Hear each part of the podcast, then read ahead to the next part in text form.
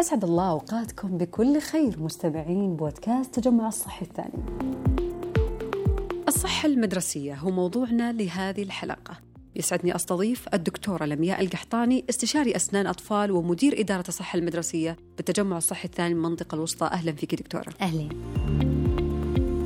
لما نسمع إدارة الصحة المدرسية وش تعني وما هو دورها وأبرز مهامها؟ إدارة الصحة المدرسية هي إدارة هدفها تطبيق برامج ومبادرات المعتمدة من وزارة الصحة لطلبة المدارس. طبعا لاكتشاف الأمراض والاضطرابات السلوكية والذهنية وإحالة الحالات المكتشفة لتلقي العلاج اللازم ممكن تعرفي لنا يعني ما هي هذه البرامج والمبادرات؟ البرامج من أهمها طبعا برنامج الفحص الاستكشافي المبادرة الوطنية للوقاية من تسوس الأسنان في المدارس الابتدائية مبادرة رشاقة برنامج التوعية الصحية للمدارس ومتابعة الحالات المعدية أيضا بلاغات 937 للمقاصف أنت ذكرتي هنا أنه من أهم البرامج هو برنامج الفحص الاستكشافي. إذا ممكن تكلمي لنا عنه إيش هو؟ الفحص الاستكشافي من أهم برامج الصحة المدرسية لأنه برنامج هدفه تعزيز صحة الطلبة عن طريق إجراء مجموعة من الفحوصات الصحية لهم على يد طاقم من فرق مركزية طبيب بشري، طبيب أسنان، تمريض،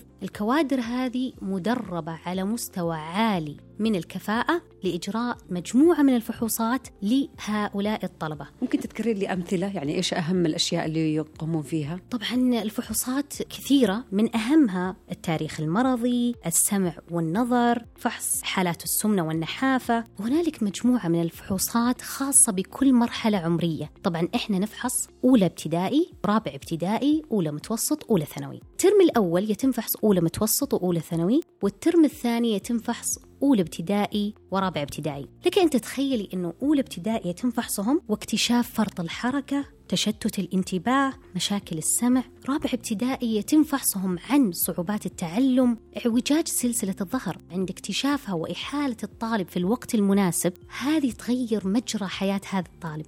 تغير مجرى حياته ليس فقط حياته بل حياة أسرته ومجتمعنا صحيح. كامل بالنسبة لأولى متوسط وأولى ثانوي هنالك أيضا فحوصات خاصة من ضمنها الاكتئاب والتدخين طبعا ما أخفيك أنه اكتشاف الاكتئاب جدا مهم في هذه المرحلة العمرية وهي مرحلة المراهقة هم أكثر عرضة في هالمرحلة الاكتئاب طبعا واكتشافه يغير مجرى حياة طيب الطالب. في حال اكتشاف أي مشاكل صحية في الطالب هل في إجراءات تتخذونها بعدها؟ لدينا في الصحة المدرسية إدارة مخصصة وهي إدارة الحالة. عند اكتشاف أي حالة مرضية أو سلوكية يتم تحويل الطالب وإبلاغ ولي الأمر بذلك ومتابعة الإحالة حتى يتسنى لهذا الطالب أو الطالبة الوصول إلى العلاج المناسب. طبعا إدارة الحالة من إدارات المهمة لدينا في الصحة المدرسية. جميل. برنامج الفحص الاستكشافي الآن عن طريق الدراسة عن بعد كيف يتم تطبيقها؟ الدراسة عن بعد هي طبعا أكيد هي مرحلة آه، استثنائية. راعينا فيها تطبيق الفحص الاستكشافي في عيادات مخصصة عوضا عن المدارس في المراكز الصحية التابعة للتجمع الصحي الثاني ممكن أذكرها اليرموك الغربي النظيم الشمالي الروضة السعادة النرجس المحمدية اثنين والدرعية. في الختام دكتورة وش أبرز النصائح اللي ممكن تقدمينها لأولياء الأمور من ناحية حثهم على متابعة أبنائهم والوصول لمثل هذه الخدمة؟ أنا أقول الفحص الاستكشافي هو فحص طبق لهدف نبيل. الرجاء منهم يتعاونون معنا في إحضار أبنائهم عن طريق